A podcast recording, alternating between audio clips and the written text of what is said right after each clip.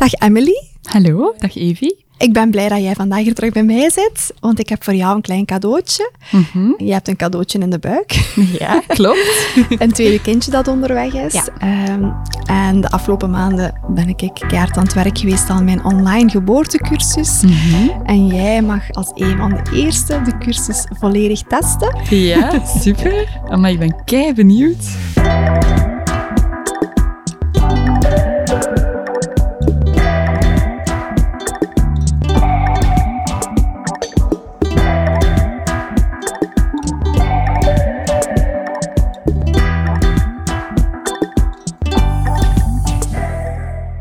Ben echt super benieuwd, want ik kan er mij momenteel niet veel bij voorstellen wat ik er moet van verwachten. Ik weet het, een online geboortecursus, het is eh, nog vrij nieuw. Mhm. Ehm, waarom heb ik een online geboortecursus gemaakt? Omdat ik hoop dat ik zoveel mogelijk aanstaande ouders kan bereiken. Online lijkt mij een heel toegankelijk medium. Denk maar aan ouders die al een kindje hebben rondlopen. Mhm. En die zo na hun eerste bevalling het gevoel hebben van... Oké, dat en dat vond ik vorige keer toch jammer. Ik wil het deze keer echt wel anders aanpakken, mij beter voorbereiden. Maar ja, praktisch is het niet altijd evident om dan en opvang te vinden voor de andere kindjes eventueel. En nu dan ook nog eens een aantal avonden te gaan vrijmaken voor een lessenreeks te volgen bijvoorbeeld. Ja. Daarvoor wou ik dus eigenlijk een alternatief kunnen aanbieden. Vandaar dat ik dus eigenlijk aan de slag ben gegaan met een geboortecursus op te stellen waarvan ik zelf hoopte dat ik hem had kunnen volgen toen ik zwanger was van mijn eerste kindje. Samen met mijn man. Ehm, ik ben vroedvrouw. En mijn partner en ik hebben wel samen een infosessie gevolgd. Maar dat was met een aantal andere koppels. En mijn partner gaf dat ook wel aan dat dat... Ja, die vond dat zelf een beetje sociaal awkward of zo. Ja. Om tussen zoveel andere koppels te zitten. En om dan ook vragen te stellen. En ik weet dat er nog andere mensen zijn die dat, die dat ook zo ervaren. Die dat heel moeilijk vinden om in groep echt wel hun vragen te gaan stellen of zo. Dus voilà, ik denk dat er zeker voor het online gegeven...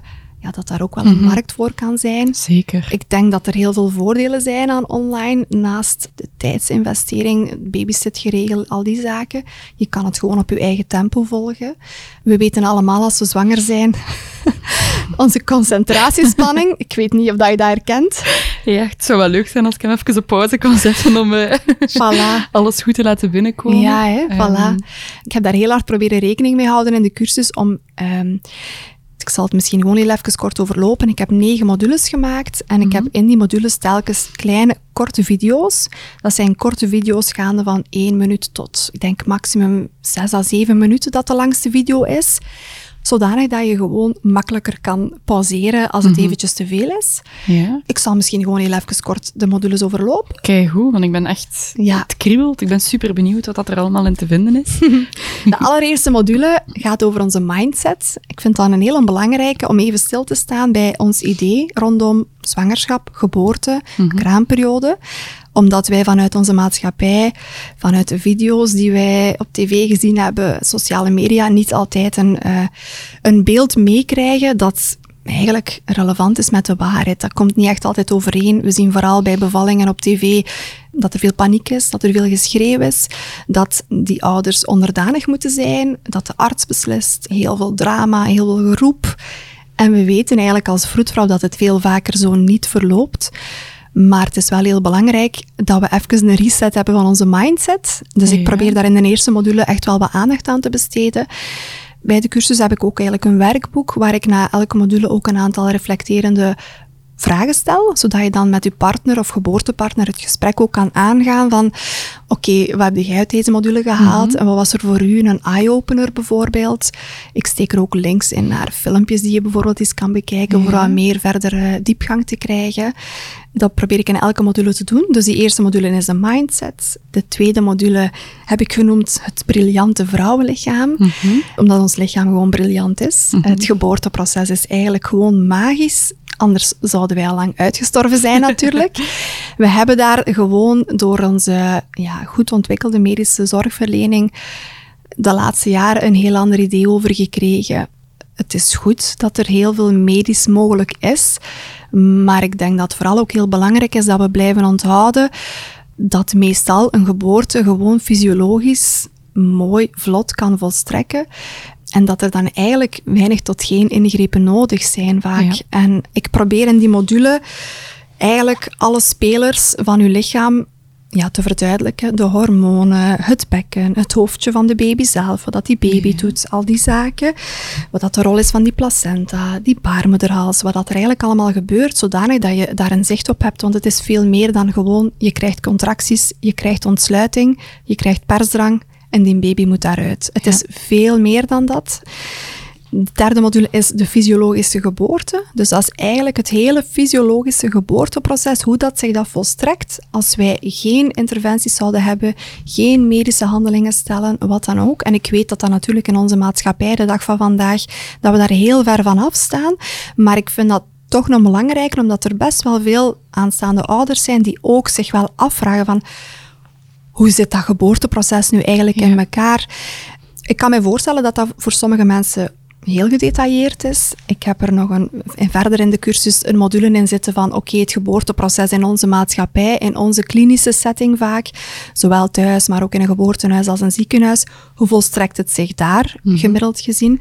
Maar ik heb die tweede en die derde modules, die fysiologie, er ook wel echt willen insteken voor de mensen die veel meer diepgang willen hebben. En dan is het ook wel makkelijk, een online cursus, dat ja, als een partner zegt van ik moet niet al te veel details weten, er zitten korte samenvattingen ook in, en dat jij dan als andere geboortepartner die misschien wel heel veel info wil, niet gewoon moet in de wilde weg gaan googelen, ja. Eh, maar dat je het gewoon eigenlijk allemaal wetenschappelijk onderbouwd ja. en video's behapbaar voor je hebt. Mhm. De vierde module gaat over keuzes maken, want mhm. ja, ik vind dat een kei belangrijke. Ik weet niet of je dat zelf ook herkent van in de zwangerschap, maar dat je zo het gevoel hebt van ja, heb ik keuzes? Eh, mhm. het is toch mijn gynaecoloog of mijn vroedvrouw die mij zal zeggen wat ik moet doen? Ja, inderdaad. Je vertrouwt op je zorgverleners. Ehm, ik denk dat je er sowieso wel van uitgaat dat zij het beste ze hebben het beste met je voor, maar dat zij ook wel het beste weten wat dat er moet gebeuren of, of wanneer dat er moet ingegrepen worden. Dus ik denk wel dat je daarop vertrouwt. Ja, en ik denk dat heel veel mensen dat doen en heel veel mensen dit ook herkennen. Mhm. Ik ben akkoord, gelukkig. De meeste zorgverleners, we hebben echt een heel goed gezondheidssysteem, hebben echt het allerbeste voor. Wij kunnen heel veel.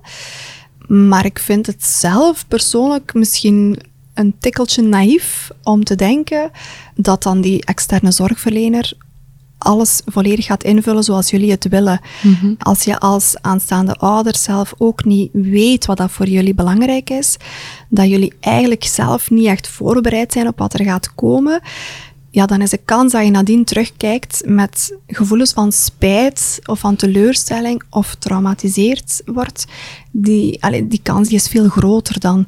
En ik probeer het soms een beetje te vergelijken als ik zwangere voor mij heb met, ja, als jij wil gaan bouwen, je doet dat waarschijnlijk maar één of twee of drie keer in je leven, net zoals een bevalling. hè. Mhm. Uiteraard, dat is een supergroot project. Wil je dat zo goed mogelijk voorbereiden? Mhm. Ook al heb jij misschien een firma die sleutel op de deur alles regelt, je gaat niet zomaar honderdduizenden euro's blind mhm. afgeven en zeggen, doe maar. Tuurlijk. Je wil alsnog wel inspraak hebben in bepaalde keuzes van materialen, inrichting, wat dan ook, mhm. binnen de beperkingen van de bouwvoorschriften die er dan altijd zijn. En dat is eigenlijk net hetzelfde in de geboortezorg. Er zullen misschien beperkingen zijn doordat er bepaalde uh, medische bijzonderheden zijn. Ik zeg maar iets, zwangerschapssuikerziekten of zo. Maar ondanks dat is er vaak heel veel wel mogelijk. En dan kan het wel zijn dat die vroedvrouw die jou bijstaat of die gynaecoloog die jou bijstaat, dat zij denkt van wij maken de goede keuze voor deze patiënt. Maar als jij geen keuzeopties gehad hebt, dan is het soms heel moeilijk om daar dan nadien op terug te kijken en te denken van ja, oké, eigenlijk die inductie, die inleiding, eigenlijk wou ik dat helemaal niet. Eigenlijk zei alles in mijn lichaam dat mijn baby daar niet klaar voor was, dat ik daar niet klaar voor was. Of tijdens die bevalling zelf, wanneer er extra hormonen opgestart worden, daar zijn soms hele goede argumenten voor om dat te doen.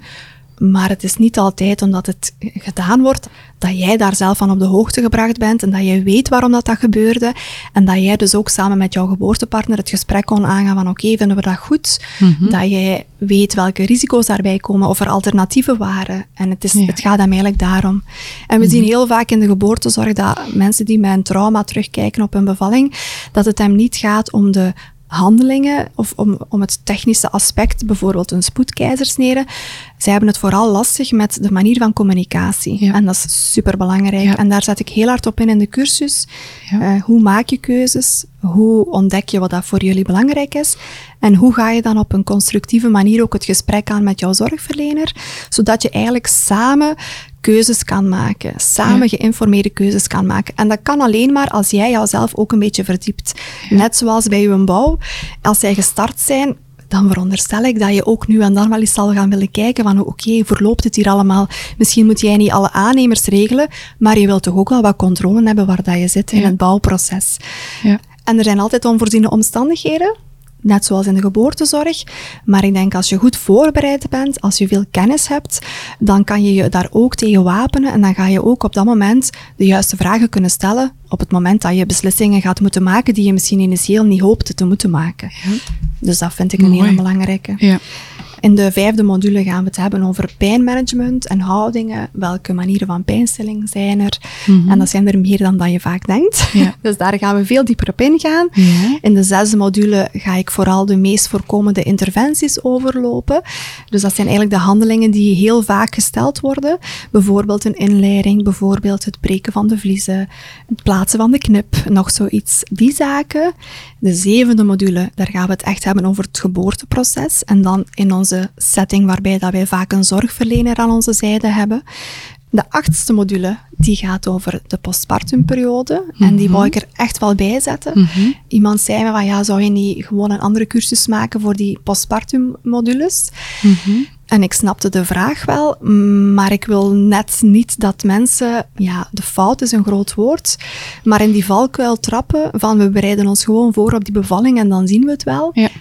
Want we weten allemaal dat het dan eigenlijk pas begint. En ik wil jou eerst en vooral heel goed kunnen voorbereiden op die bevalling. Wat hebben jullie nodig om beslissingen te kunnen maken? Wat die beslissingen zijn, maakt mij niet uit. Ik probeer vooral te informeren. Ik ga niet adviseren in mijn cursus. Maar we weten wel dat als die bevalling, als die verlopen is en dat jij in jouw kracht hebt gestaan, dat jij gerespecteerd bent als ouder, dat jij gezien bent en dat wat dat jij belangrijk vond, dat dat meegenomen is in het beslissingsproces, dat jou dat ook krachtiger gaat voorbereiden op die kraamperiode, op dat ouderschap dat jullie gaan aangaan. Dus in die module over het postpartum ga ik vooral de eerste uren, dagen, weken wat overlopen. Wat kan je verwachten? Wat is normaal babygedrag? Wat zijn normale fysieke verschijnselen die je zelf zal opmerken? Want mhm. natuurlijk, je bent negen maanden zwanger geweest. Jouw lichaam heeft ook tijd nodig om te ontzwangeren. Mhm. Ik ga in het werkboek ook een kraamplan steken. Hè. Iedereen kent een geboorteplan. Mhm. Maar ik wil jullie echt actief aan het denken zetten ook van wat denken wij dat wij nodig gaan hebben in die kraamperiode. Jij hebt nu al een kraamperiode gehad. Ja. Ik denk dat jij dat misschien wel kan beamen, dat het... Ik ben vooral heel enthousiast als ik hoor dat er ook een stuk over kraamperiode in zit in jouw online cursus. Omdat inderdaad, ik weet nog in mijn eerste zwangerschap, eh, ja, je bereidt je zo goed mogelijk voor op je bevalling. Maar ja, ik dacht toen ook, uh, naïef zijnde, ik zie wel wat dat er komt en, en ik zie wel wat dat er gaat gebeuren. Ja. Ehm, maar dan komt die kraamperiode en dan zie je dat inderdaad niet alles verloopt zoals dat je voor ogen had. Of, of, of merk je dat toch soms wel wat moeilijker loopt. En daar ben ik nu mij wel heel bewust van in deze tweede zwangerschap. Dat ik mij toch wel beter wil voorbereiden op die kraamperiode. Ja. Dus ik vind het heel fijn dat dat daarin zit. Echt al zin om die module te overlopen. Want inderdaad, het kraamplan, ik heb er nog nooit van gehoord, maar het spreekt mij wel aan. Ja. Vast bij geboorteplan, dus uh, een kraamplan lijkt me tof. Uh, rondom de module van de geboorte ga ik in het werkboek ook een handleiding steken van hoe maak je een geboorteplan op, een goed geboorteplan. Niet om op een geboorteplan te kunnen noteren, bijvoorbeeld, ik wil geen inleiding, ik wil geen knip en ik wil geen keizersnede en geen epidurale. Maar net om ook eens verder te kijken van oké, wanneer zou ik het wel willen? Hè? Want in het mhm. ideale scenario wil ik dat en dat bijvoorbeeld niet. Maar wat zouden dan voor mijzelf en voor mijn partner goede argumenten zijn om daar wel voor toe te stemmen? Want we weten dat soms medische interventies echt wel levensnoodzakelijk kunnen zijn. Het is heel zeldzaam, maar het kan. En dan is het ook wel gewoon fijn dat je op voorhand eens heel kritisch ook voor jezelf hebt nagedacht, oké, onder die omstandigheden zou ik wel daarmee akkoord gaan, mhm. op voorwaarde dat ik de alternatieven bijvoorbeeld heb kunnen proberen. Wat dat ik daar ook in zet is bijvoorbeeld van hoe wil jij graag dat er met jou gepraat wordt? Wil jij graag heel veel details? Of wil jij graag gewoon heel oppervlakkig, niet Ja. te veel details om jou niet uit de bubbel te halen? Ja. Wil jij graag dat enkel jouw partner ingelicht wordt, zodat jij in jouw bubbel kan blijven? Of wil jij zelf als zwangere van alles op de hoogte gebracht worden Ja. en die zaken? Dus daar ga ik in het geboorteplan vooral aandacht aan besteden.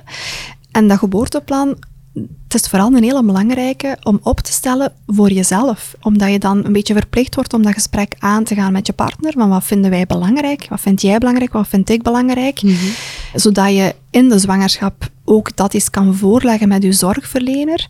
En gewoon eens kan peilen van oké, wat denk jij dat haalbaar is in de setting waar wij gaan bevallen? Want ja, ook dat is heel afhankelijk.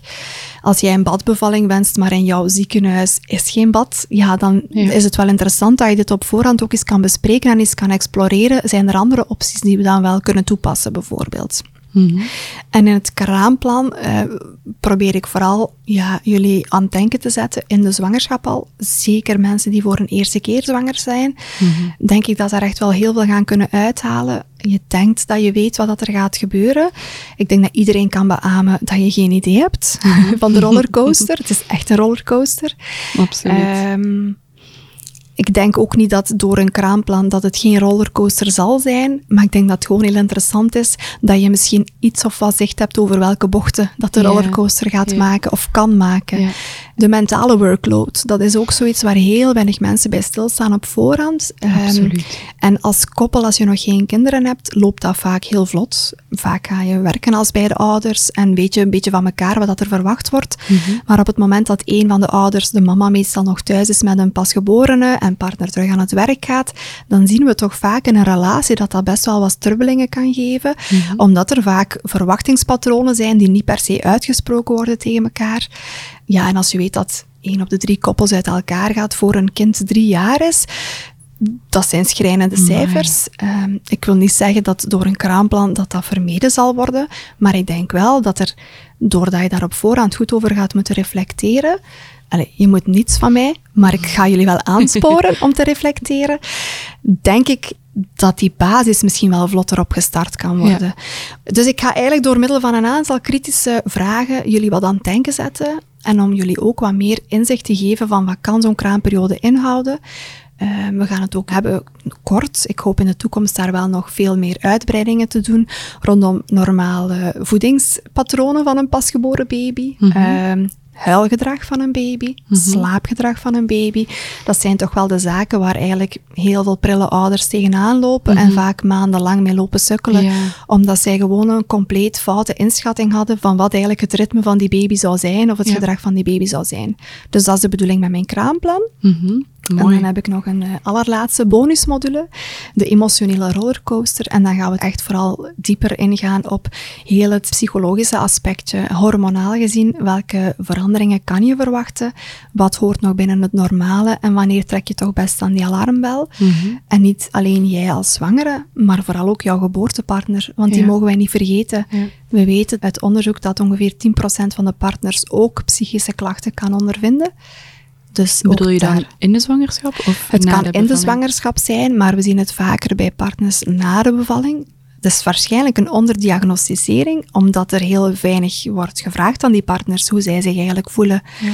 En ik denk dat die rol van die partner echt niet te onderschatten is. Eh, die zijn vaak maar 10, 15 dagen thuis en dan Mhm. moeten die terug functioneren op het werk. Die proberen dan vaak hun partner te ondersteunen voor die nachten die Mhm. onderbroken zijn. En die hebben zelf ook een heleboel hormonale veranderingen dat zij ondergaan. Mhm. En die moeten eigenlijk ook kunnen landen in een oude rol. Dus ehm, in die module gaan we daar dieper op ingaan. Fijn. Ja. Oké. Dus dat is eigenlijk een beetje een kort eh, overzichtje van wat dat je kan verwachten in de online cursus. Mhm. Ehm, Wanneer mag ik starten? morgen. Graag. Ik vind zo een ideale termijn voor zwangere koppels om hem te volgen, is ja, het moment dat jij het wil, sowieso. Ik denk als het echt die eerste trimester is, is het misschien wel heel vroeg. Ja. Ik denk zo eerder vanaf dat je voorbij die 20, 24 weken bent, lijkt Ja. mij ideaal. Als jij die op 36 weken wil volgen, ook goed natuurlijk. Maar natuurlijk, ik denk door het volgen van die cursus ga je plots veel dieper nadenken over zaken waar je op voorhand nog niet over nadacht. En als je dan beseft van, oei, misschien zit ik dan toch niet bij de juiste zorgverlener, of misschien wil ik toch een zelfstandige vroedvrouw die mij begeleidt, of een doula, of wat dan ook, is soms misschien al een beetje laat om daar echt nog heel veel veranderingen te kunnen doorvoeren. Al is het in theorie ja, nooit te laat natuurlijk. Dus idealiter zou ik zeggen, zo ja, tussen die 24 en die 30 weken lijkt mij ideaal om hem te volgen. Ja. Je sprak daarnet over eh, een geboorteplan opstellen. Je geeft informatie over hoe dat je dat best kan doen. Um, stel dat we daar nu toch ergens in vastlopen tijdens de cursus, uh, dat wij wel ongeveer een geboorteplan in ons hoofd hebben, maar dat we het toch moeilijk vinden om te zien van hoe doen we dat best? kunnen, daar extra, kunnen wij daar extra begeleiding van krijgen ja. door jou? Of hoe, um, hoe, moet ik dat zien? Je kan ervoor kiezen om gewoon uh, de cursus aan te kopen en mm hem volledig op jouw eigen tempo te volgen en verder met jouw eigen zorgverlener het gesprek aan te gaan. Maar als je zegt van ik zou het wel fijn vinden om iets meer diepgang te hebben mm -hmm. en om jouw persoonlijke situatie dan ook te horen vanuit mijn rol als vroedvrouw en perinatale coach, dan kan dat. Dus dan kan er een één op één sessie bijgeboekt worden. Ja. En ik ga ook de mogelijkheid geven voor mensen om een één op één sessie in te boeken na de geboorte. Ja. Eigenlijk een tweetal weken na de geboorte. Ik denk dat daar heel veel waarde in kan schuilen om gewoon al eens heel kort na die bevalling, die bevalling is te doorlopen van ja. oké, okay, hoe hebben jullie dat ervaren? Ja.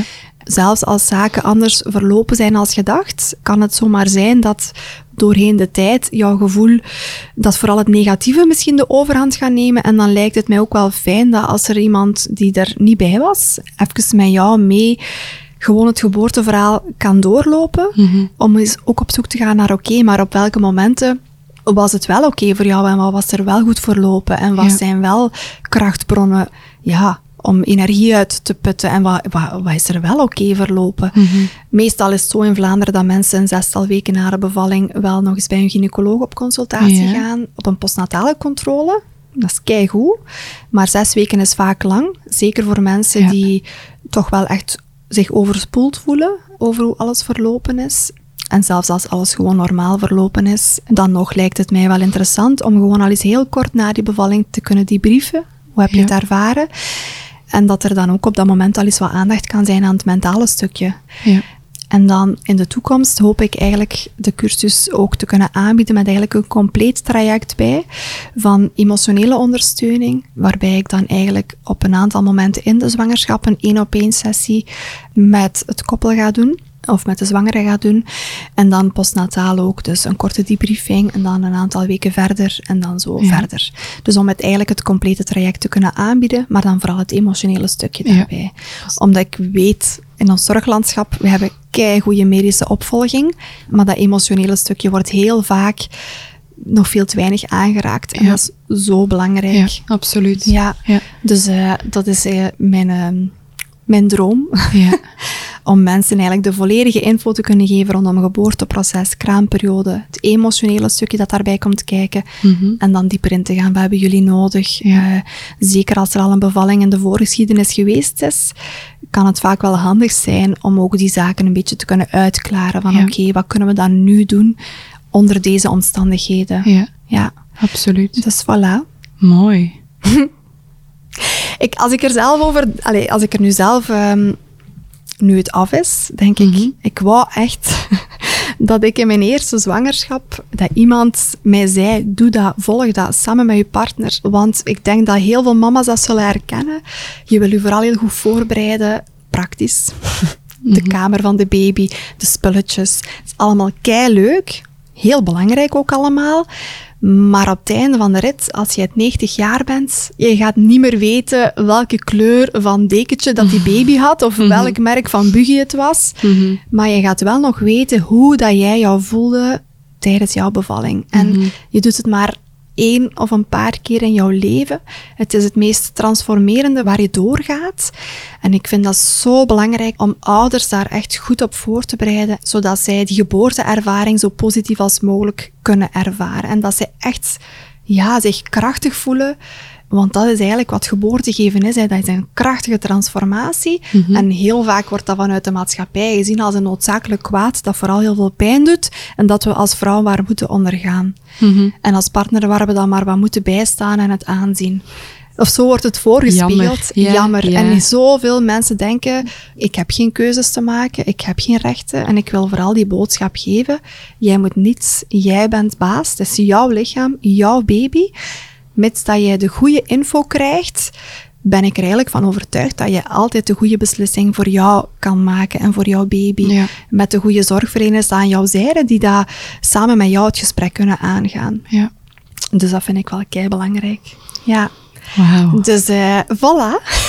ik hoop dat je er iets aan gaat hebben. echt eh, Ja, ik ben er helemaal praat, voor gepassioneerd. ik vind dat zo belangrijk dat je daar goed op voorbereidt. Zoveel mensen ja, verkiezen om een kop in het zand te steken en ja, zijn dan nadien heel teleurgesteld Mhm. vaak, omdat ze eigenlijk niet wisten dat ze keuzes hadden. Ja. En ik wil vooral die boodschap geven. Je hebt wel keuzes, maar je moet ook wel een beetje de verantwoordelijkheid nemen, durven nemen, om die keuzes te maken.